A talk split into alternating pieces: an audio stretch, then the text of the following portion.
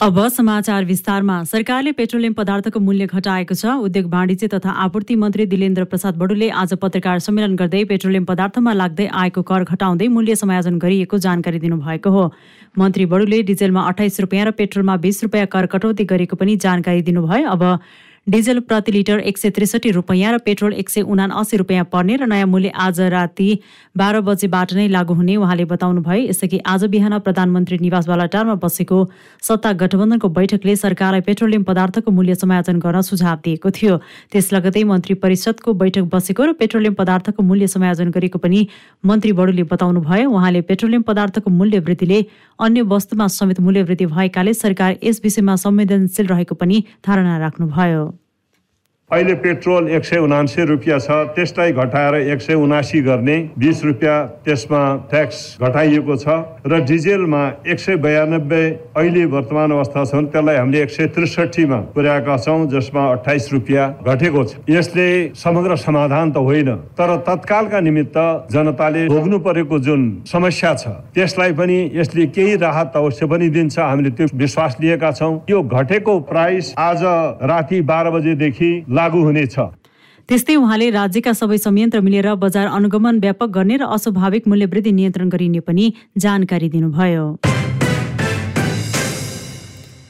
नेकपा एकीकृत समाजवादीले तत्काल नयाँ मन्त्रीहरूलाई शपथ गराउन प्रधानमन्त्रीको ध्यान आकर्षण गराउने निर्णय गरेको छ। आज काठमाडौँमा बसेको पार्टीको केन्द्रीय कमिटी बैठकले अब प्रधानमन्त्री र माओवादी अध्यक्ष प्रचण्डलाई पर्खिन नसक्ने भन्दै तत्काल पार्टीले सिफारिस गर्नेका नयाँ मन्त्रीहरूलाई शपथ गराउन ध्यान आकर्षण गराउने निर्णय गरेको हो।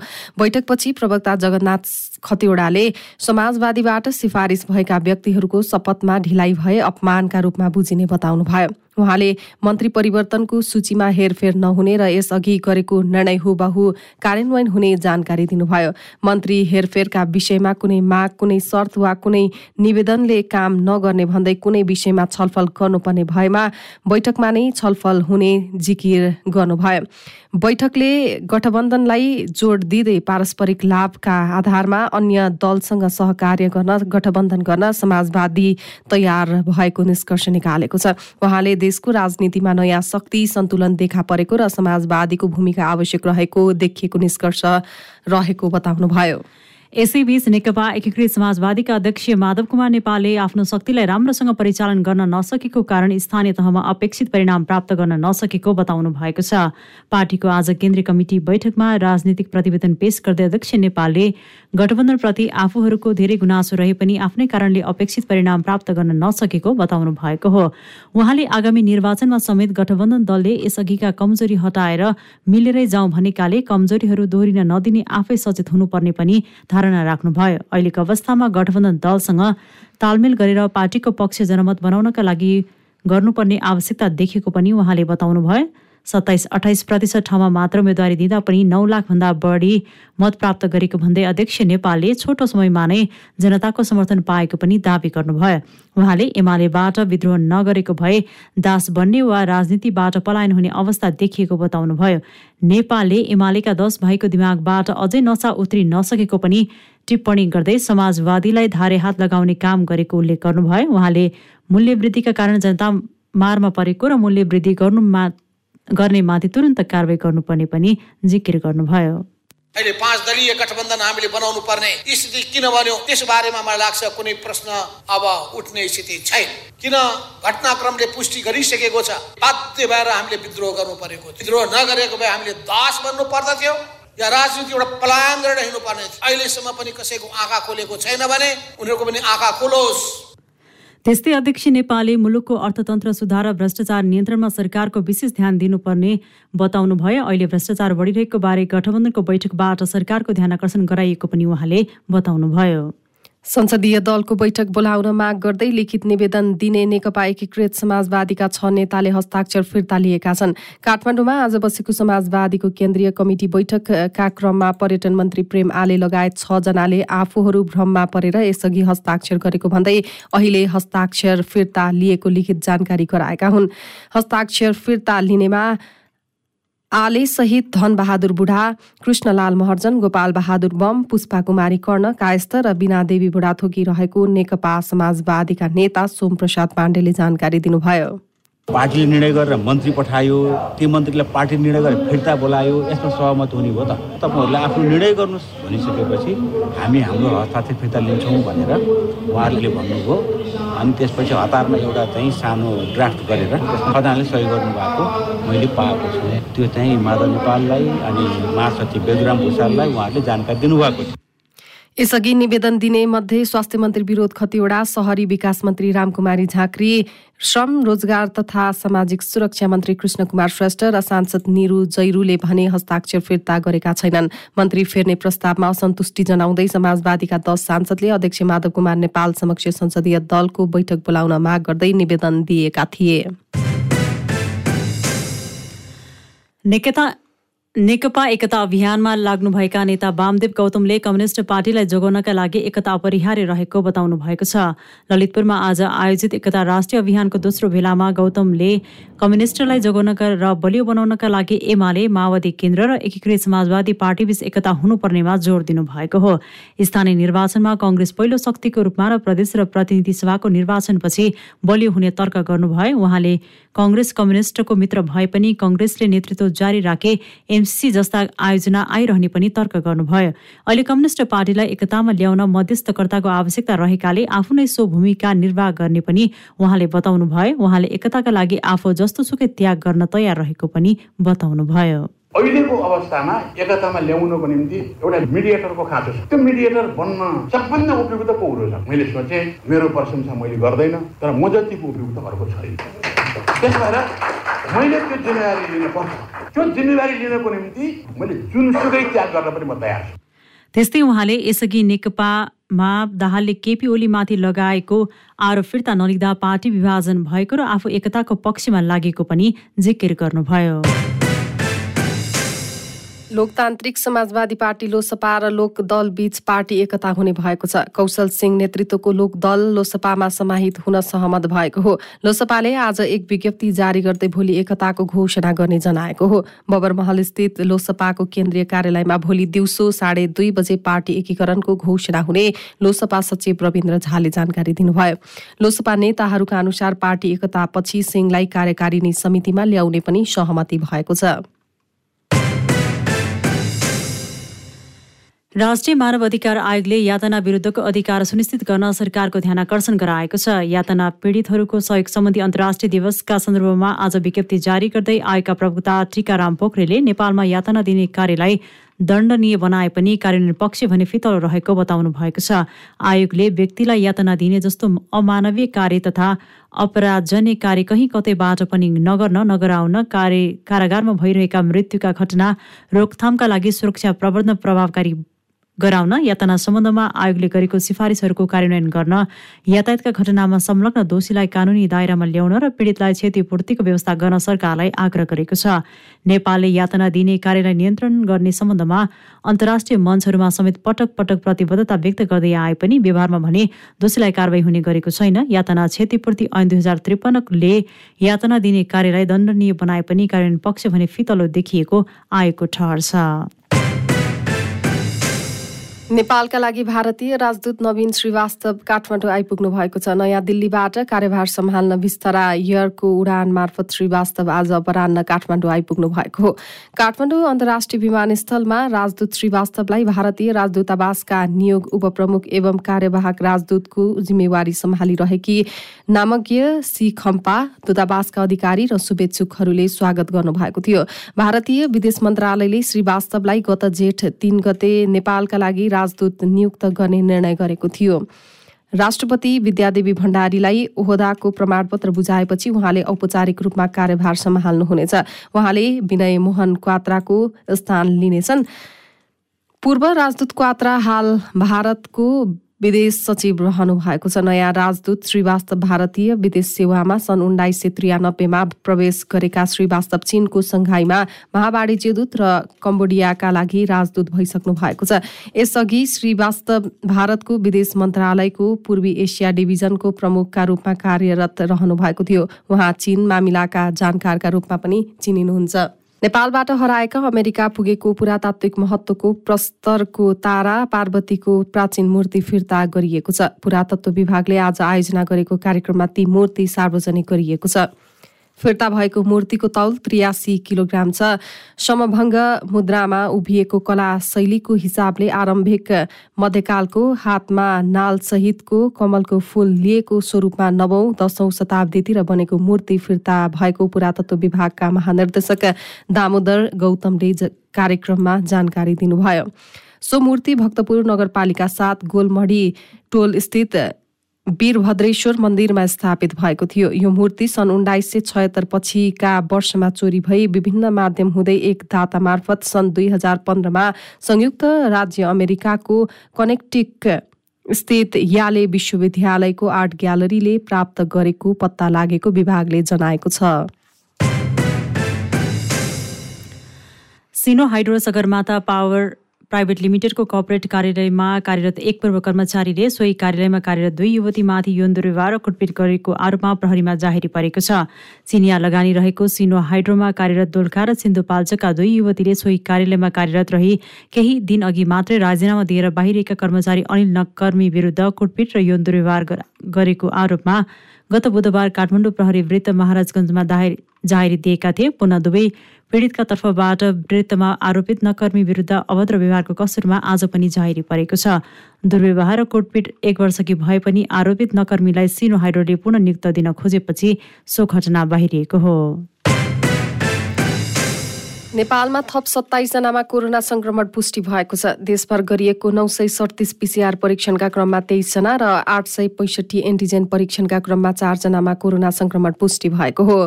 त्यस्तै थप सोह्र संक्रमित निको भएका छन्। हाल नेपालमा एक सय अठासी सक्रिय संक्रमित आइसोलेसनमा रहेको स्वास्थ्य मन्त्रालयले जनाएको छ। पूर्व पश्चिम राजमार्ग अन्तर्गत बाँकेको ढकेरीमा ट्रकको ठक्करबाट मोटरसाइकलमा सवार एक महिलाको मृत्यु भएको छ। मृत्यु हुनेमा अठाइस वर्षीय दिपिका खत्री रहेका छन्। पश्चिमतर्फ आइरहेको भे एक एक प सात शून्य पाँच नम्बरको मोटरसाइकललाई सोही दिशाबाट आइरहेको ना पाँच ख बयालिस शून्य चार नम्बरको ट्रकले पछाडिबाट ठक्कर दिँदा मोटरसाइकलमा सवार अठाइस वर्षीय दिपिकाको मृत्यु भएको प्रहरीले जनाएको छ। दुर्घटनामा मोटरसाइकल चालक सोही ठाउँका पैँतिस वर्षीय दिलबहादुर कटवाल भने गम्भीर घाइते भएका छन्। मृतक र घाइते श्रीमान श्रीमती भएको पनि इलाका प्रहरी कार्यालय कोहलपुरका डिएसपी ऐन बहादुर मल्लले बताउनुभयो। पश्चिम नवलपरासीको प्रतापपुर गाउँपालिका आठमा पोखरीमा डुबेर एकजनाको मृत्यु भएको छ। प्रतापपुर गाउँपालिका आठ फट्टी टोला बस्ने एक्काइस वर्षीय कमलेश मल्लाहको घर नजिक रहेको पोखरीमा डुबेर आज दिउँसो मृत्यु भएको छ। नुहाउने क्रममा डुबेर बेपत्ता भएको भन्ने खबर प्राप्त हुनासाथ प्रहरी चौकी गुठी प्रसौनी र इलाका प्रहरी कार्यालय बेलाटारीबाट खटिएको प्रहरीले खोजी गर्ने क्रममा सोही पोखरीमा उनको सब फेला परेको हो। यस सम्बन्धमा प्रहरीले आवश्यक अनुसन्धान गरिरहेको छ। यसैबीच उता धनकुटामा पनि पोखरीमा डुबेर दुईजना किशोरको मृत्यु भएको छ। मृत्यु हुनेमा धनकुटा नगरपालिका पाँचका पन्ध्र वर्षीय स्वर्णिम राई र धनकुटा नगरपालिका दुईका पन्ध्र वर्षीय उदय राई रहेका छन्। धनकुटा नगरपालिका छ पातले खोलाको किनारमा रहेको Dhankuta agro tourism fund and भ्यालीले पर्यटकका लागि बनाएको पोखरीमा आज दिउँसो उनीहरू डुबेका थिए। पौडी खेल्ने क्रममा डुबिरहेका दुवैजनालाई उद्धार गरी निकालेको थियो। धनकुटा अस्पतालमा उपचारका क्रममा उनीहरूको मृत्यु भएको प्रहरीले जनाएको छ। अविरल वर्षाका कारण कास्कीको पोखरा महानगरपालिका पच्चिस हेम्जाका तीन सय भन्दा बढी घर डुबानमा परेका छन्। वर्षापछि हेम्जाको सुइखेत स्थित चौरासी नहर भत्किएपछि पानी बस्तीमा पस्दा सुन्दरी चोक र म्याग्दी चोकका घर डुबानमा परेको सोही वडाका वडाध्यक्ष मोतीराज तिमल सिन्हाले बताउनुभयो। पहिरोले स्थानीय लक्ष्मी विक र रविना परियारको घर पूर्ण रूपमा क्षति गरेको र थप पन्ध्र घर उच्च जोखिममा परेको छ। डुबान र पहिरोका कारण पाँच सयको हाराहारीमा मानिस विस्थापित भएका छन्। पहिरोको डिपिआर गरी राष्ट्रिय विपद जोखिम न्यूनीकरण तथा व्यवस्थापन प्राधिकरणमा पठाएको छ। सिन्धुपाल्चोकमा थुनामा रहेका एक कैदीको मृत्यु भएको छ। जबरजस्ती करणी र ज्यान मार्ने अभियोगमा पूर्वपक्षका लागि थुनामा रहेका पाँच पोखरी थाङपाल गाउँपालिका पाँचका उना पचास वर्षीय मैते गोलीको मृत्यु भएको हो। आज बिहान रिङ्गटा लागेर ढलेका गोलीलाई उपचारका लागि चौतारा अस्पताल लगिएकोमा केही समयमा मृत्यु भएको जिल्ला प्रहरी कार्यालयका प्रमुख रामेश्वर प्रसाद चौधरीले जानकारी दिनुभयो। गत कार्तिक महिनामा प्रहरीलाई प्रहरीले गोलीलाई पक्राउ गरी थुनामा राखेको थियो। मृतकको आफन्त आइपुगेपछि सब परीक्षण गरिने अस्पतालले जनाएको छ। जयनगर कुर्ता रेल मार्गमा नियमित मालवाहक सेवा सञ्चालन गर्न पाँच जिल्लाका उद्योगी व्यवसायीहरूले माग गरेका छन्। नेपाल रेलवे कम्पनी लिमिटेडका पदाधिकारीसँगको छलफलका क्रममा मध्य प्रदेश अन्तर्गत सप्तरी सिराहा धनुषा महोत्तरी र सर्लाहीका उद्योगी व्यवसायीले मालवाहक रेल सेवा सञ्चालन गर्न माग गरेका हुन्। जयनगर कुर्था रेल मार्गमा सञ्चालन भइरहेको रेल सेवासँगै मालवाहक रेल समेत सञ्चालन गरिए भारतसँग सिधा व्यापार सम्बन्ध हुनुका साथै सस्तो मूल्यमा समाधान सामान आयात हुने र त्यसबाट महँगी समेत नियन्त्रण आउने उद्योगी व्यवसायीको भनाइ छ। छलफलमा उद्योगी व्यवसायीले तत्कालका लागि दैनिक पाँच छ ट्रक माल सामान आयात गर्ने र पछि क्रमशः बढाउँदै जाने भएकाले मालवाहक रेल सेवा घाटामा नजाने पनि दावी गरेका थिए। नेपाल रेलवे कम्पनीका पदाधिकारीले भने मालवाहक रेल सञ्चालन मा आउन आफूहरू सकारात्मक रहेको र तत्कालका लागि जनकपुर धाममा कति परिणाममा बालसम्म ल्याउन सकिन्छ भनेर उद्योगी व्यवसायीसँग यकिन गरेर तथ्याङ्क उपलब्ध गराउन पनि आग्रह गरेका छन्। काठमाडौँ तराई मधेस द्रुत मार्ग फास्ट ट्र्याकको सुरुङ निर्माणमा निलम्बन गरिएका दुई कम्पनीलाई कारवाही फुकुवा गरेर काम पुनः सुरु गरिएको छ।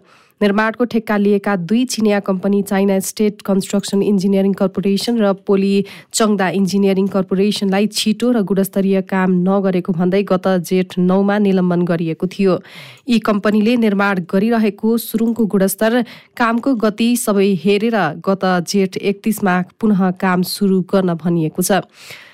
तीन वर्षभित्र निर्माण सक्ने गरी दुई हजार अठहत्तर वैशाख एकतिसमा दुवै कम्पनीसँग ठेक्का सम्झौता भएको थियो। तर सम्झौता भएको एक वर्ष बिते पनि निर्माणमा प्रगति भने हुन सकेको छैन।